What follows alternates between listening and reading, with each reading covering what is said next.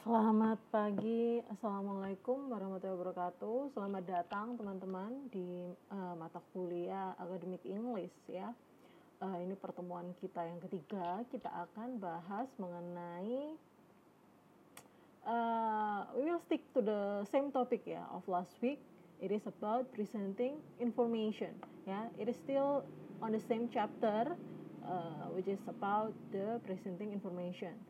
But if in the last week yeah in the last week we are more uh, discuss about to understanding information in a text taking notes from a text and making personal statement using the simple present tense but today for for the today's subchapter we will more learn about the introduction and conducting short presentation oke okay?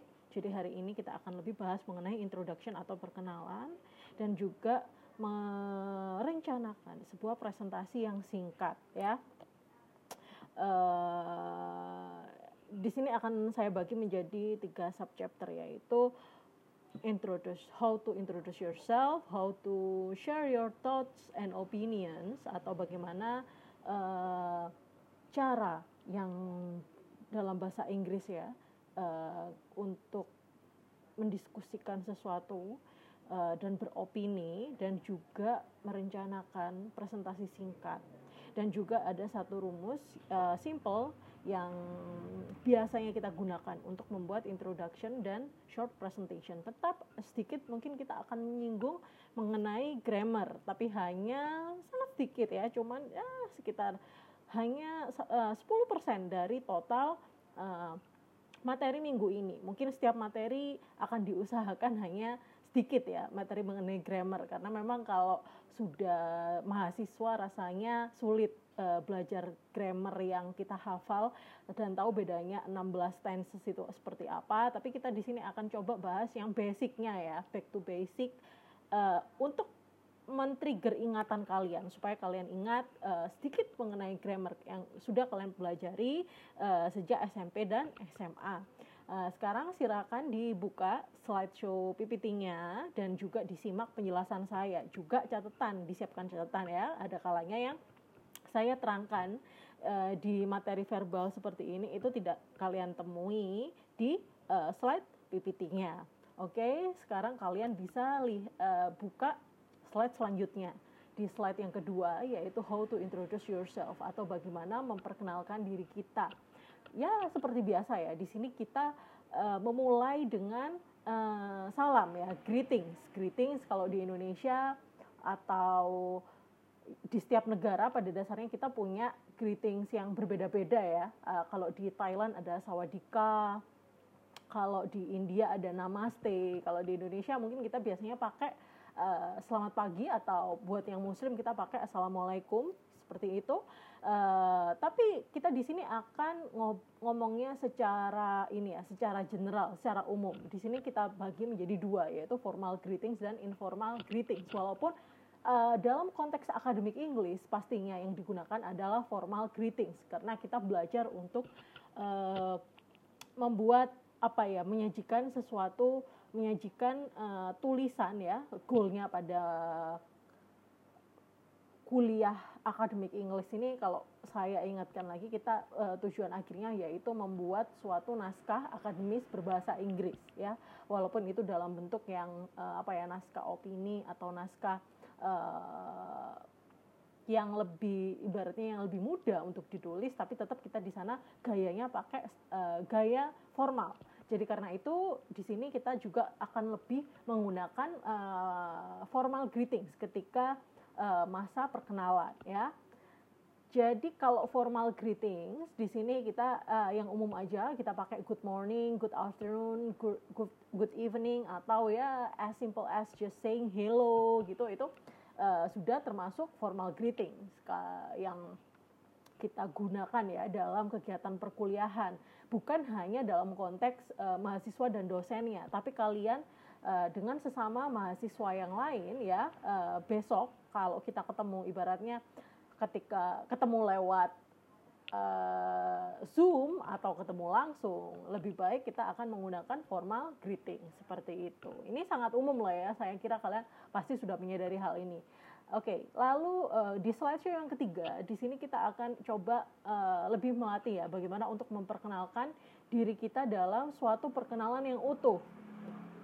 Jadi uh, dalam konteks uh, perkenalan yang benar-benar baru kenal, baru bertemu, baru mengenal satu sama lain, ini ada beberapa kalimat yang bisa kita gunakan di sini ya, seperti misalnya may I introduce myself and uh, allow me to introduce myself and I would like to introduce myself. Ya, ini adalah cara-cara yang sopan yang biasanya kita gunakan uh, dalam memperkenalkan diri kita sebelum kita menyebut nama dan identitas yang lain ya. Itu kita bisa gunakan uh, kalimat-kalimat seperti ini. Lalu kalian bisa memulai dengan nama lengkap, dengan kota asal, asalnya mana atau uh, rumahnya di daerah mana, lalu occupation atau status kalian ini apa? Apakah kalian mahasiswa? Kalau mahasiswa mahasiswa jurusan apa? Kalau pekerja apa sih sektor pekerjaan kalian ya? Occupation ini nanti pasti akan uh, berkaitan dengan qualification ya. Apa sih uh, yang menjadi kesibukan kalian itu? Lalu ada juga kalau misalnya acaranya cukup casual ya, pertemuan perkenalan itu cukup santai, maka kalian bisa sambil menceritakan hobi atau minat kalian itu apa sih biasanya in your free time, what would you do? Lalu yang terakhir adalah future plans. Future plans ini bisa dilibatkan atau enggak ya, tergantung dari konteks acara yang sedang kalian hadiri Uh, jadi di sini saya kasih contoh. Ini uh, saya kasih contoh cara memperkenalkan diri saya sendiri ya. Bisa disimak. Good morning. I would like to introduce myself. I'm Dinda Lisna Amelia, 30 years old woman who work as a lecturer in one of the private university in Surabaya, Indonesia, the city where I was born and grew up. I was a former journalist in Jawa Post Daily newspaper before I getting my master degree in India from Indian Council for Cultural Relation uh, Scholarship. So writing has always been my hobby since I was a kid. And it is more than a job, but also a coping mechanism. Yeah, writing is my therapy. Hence, here I am working as a lecturer and have a dream to pursue a PhD uh, as soon as possible in the field of communication. So I will be able to broaden my perspective and knowledge. Uh, di sini saya bisa bayangkan ya, mungkin kalian sudah tahu uh, terjemahannya secara general ya. Ya, ini oh Budinda usianya 30 tahun. Oh Budinda ini uh, apa namanya dulu wartawan Jawa Pos. Oh Budinda ini ternyata S2-nya di India. Nah, saya nggak usah pakai terjemahan yang secara harfiah kayak Google Translate ya. Di sini kan kalian pasti bisa menebak-nebak dari konteks kalimatnya itu ya. Seperti itu ya cara kita uh, belajar bahasa Inggris. Kadang uh, kita ketika mendengarkan ya, khususnya listening kita bisa sangat bisa ya menebak-nebak. Kita hanya tinggal menemukan kunci dari uh, apa yang dikatakan oleh uh, orang yang berkomunikasi dengan kita tersebut. Jadi ini ya, ini adalah komponen yang umum dalam sebuah per, uh, percakapan, perkenalan. Ini aslinya juga agak sama dengan personal statement yang kalian buat kemarin di pertemuan sebelumnya ya. Uh, kalian kan membuat personal statement. Nah, in, itu ya ini 11 12 lah ya. Cuman mungkin yang personal statement itu outputnya kan tulisan. Jadi mungkin uh, lebih apa ya, lebih lebih kaku gitu. Di sana kalian hanya menggunakan uh, linking language atau kata penghubung yang uh, tidak secair ketika kalian memperkenalkan diri kalian secara verbal. Itu itu bedanya. Jadi kalau uh, di sini personal statement yang saya tulis di slideshow yang uh, ketiga ini ini merupakan ibaratnya uh, personal statement yang saya tulis dalam rangka perkenalan atau introduction. Sedangkan kalau personal statement yang kalian tulis minggu lalu itu uh, dalam rangka apa? Dalam rangka bisa untuk melamar pekerjaan ya, sebuah ringkasan kecil gitu di CV kalian, entah itu me untuk melamar pekerjaan atau juga me untuk me, uh, apply uh, pendidikan tinggi di kampus. Nah, hal-hal seperti itu ya sekarang kalian bisa lihat uh, di PPT di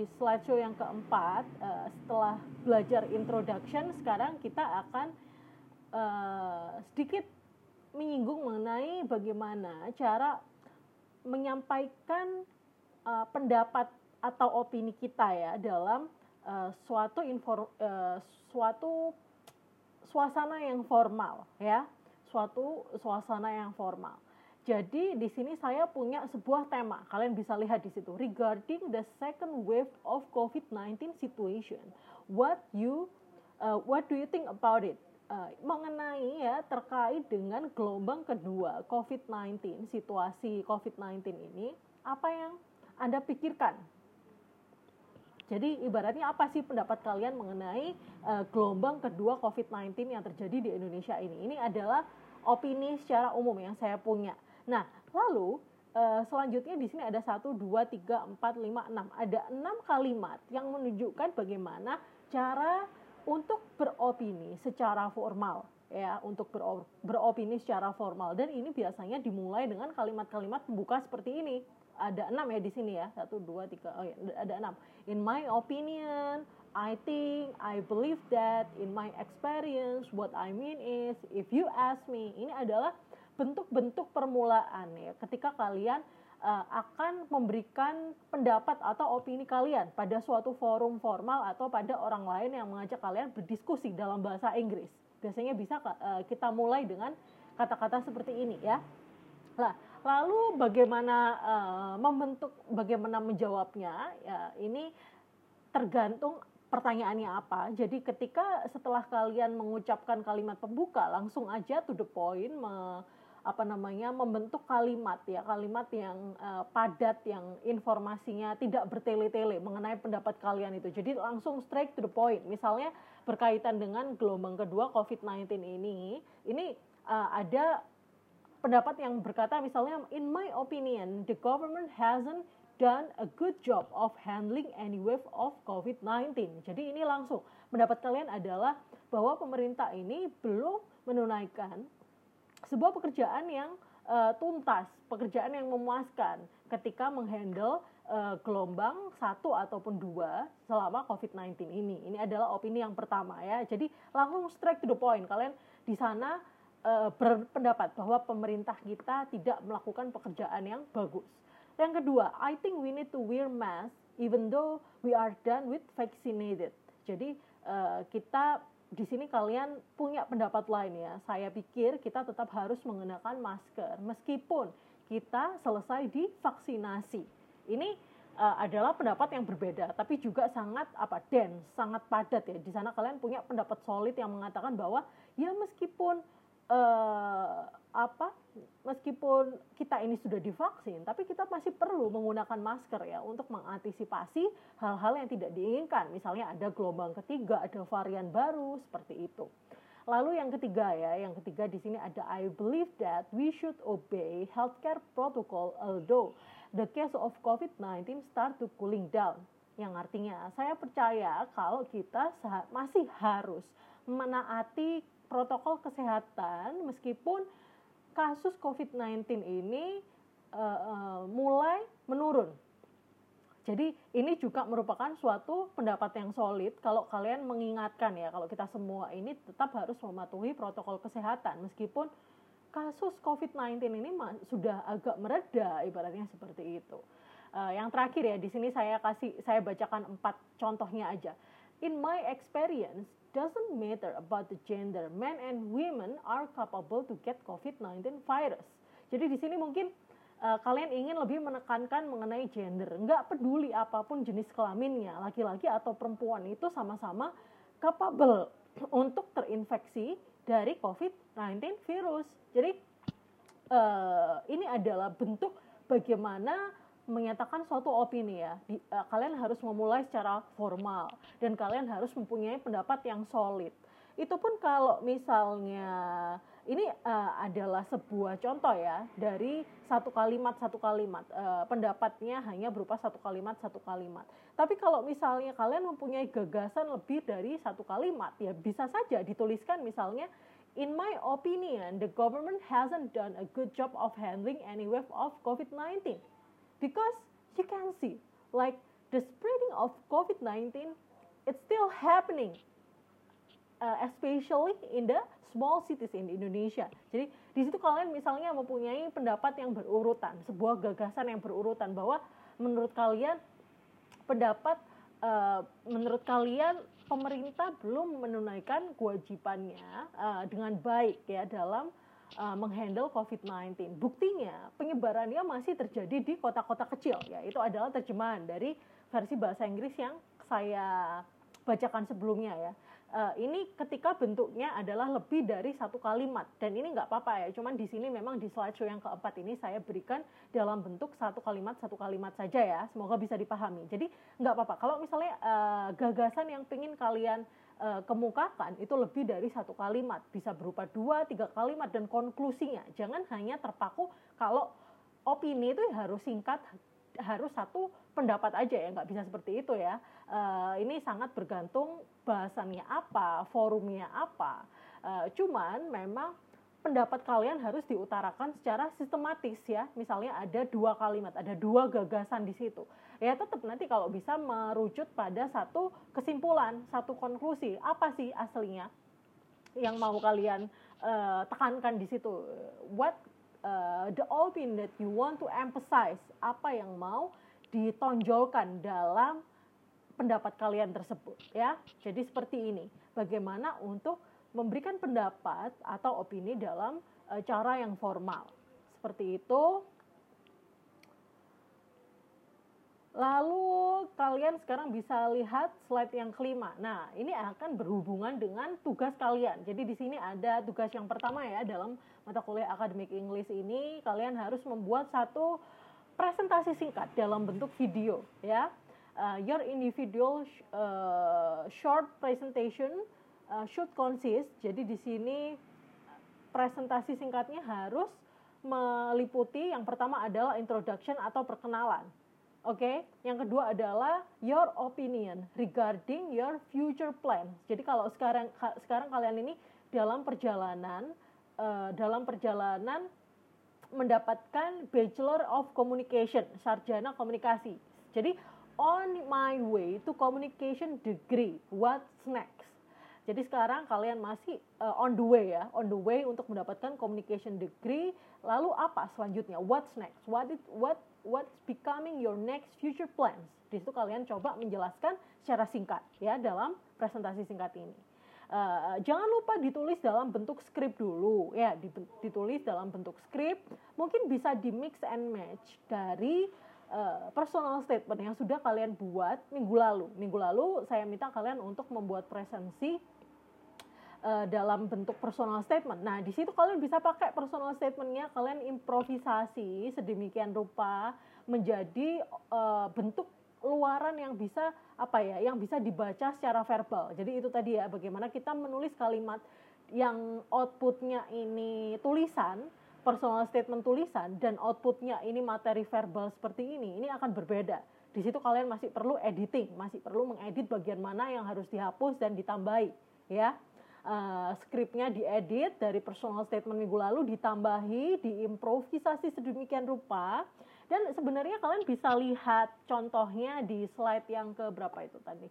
Slide yang ketiga ya ketika uh, contoh dari perkenalan saya introdu introducing myself uh, di sini kalian bisa lihat kalimat saya ketika memperkenalkan diri Nah, ini ini adalah satu bentuk contoh presentasi singkat karena di sini saya juga mengatakan my future plans ya. My future um, uh, my future plans is to pursuing PhD education as soon as possible.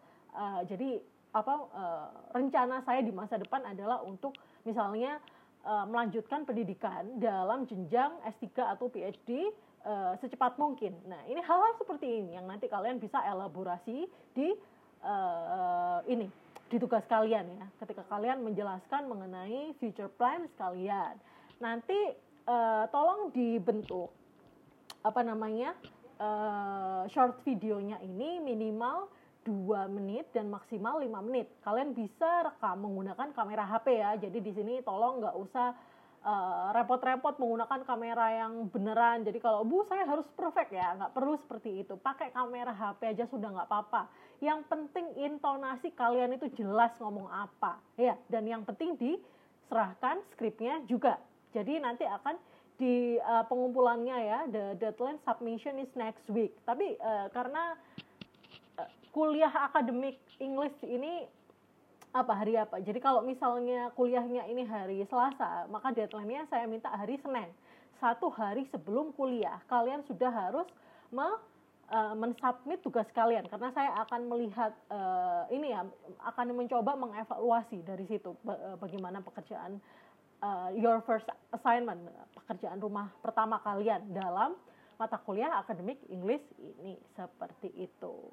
Oke, lalu sekarang kita ke slideshow yang keenam. Kalian bisa lihat di sini uh, kita singgung sedikit mengenai grammar atau structure ya. Kalau minggu lalu di pertemuan pertama presenting information kita sudah bahas mengenai simple present tense. Maka ternyata dalam perkenalan, dalam sebuah introduction ya dan juga short presentation yang paling banyak uh, jenis kalimat yang mendominasi itu ternyata juga uh, simple present tense. Jadi kalian tetap bisa menggunakan jenis-jenis uh, kalimat simple present tense dalam uh, uh, introduction kalian ya. Di sini ada contohnya.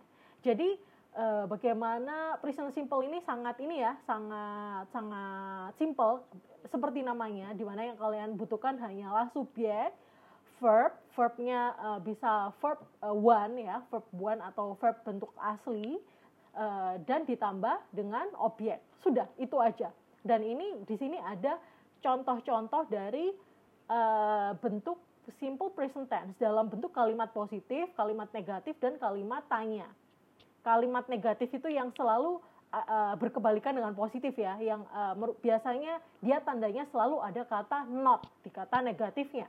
Lalu di kata uh, kata-kata question ya, sorry di jenis questionnya, mereka biasanya mengawali uh, mengawali kalimatnya itu dengan verbs atau to be. Jadi to be itu seperti are dan is yang bisa kalian ini di kotak biru dan other verbs ya. Jadi uh, biasanya ini uh, akan diawali dengan verbs ya kalau untuk yang uh, jenis questionnya. Sangat mudah ya untuk menggunakan uh, simple present tense ini uh, tetap seperti minggu lalu juga apa namanya uh, yang yang sudah kalian simak. Lalu selain simple present tense, di sini kalian bisa lihat slideshow ketujuh.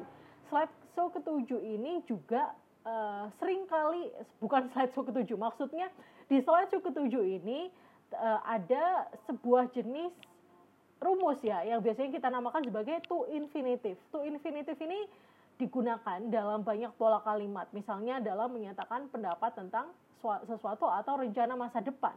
Nah, karena dalam short presentation kalian ini akan sedikit menyinggung mengenai future plans atau rencana masa depan kalian, maka ya kalian boleh-boleh aja ya menggunakan to infinitive ini. Uh, dan bagaimana sih menggunakan to infinitive ini? To infinitive ini di, selalu ditandai dengan penambahan to setelah verb ya. Jadi kita uh, misalnya menggunakan verb study. Jadi kita jadikan to study. Uh, terus to plans.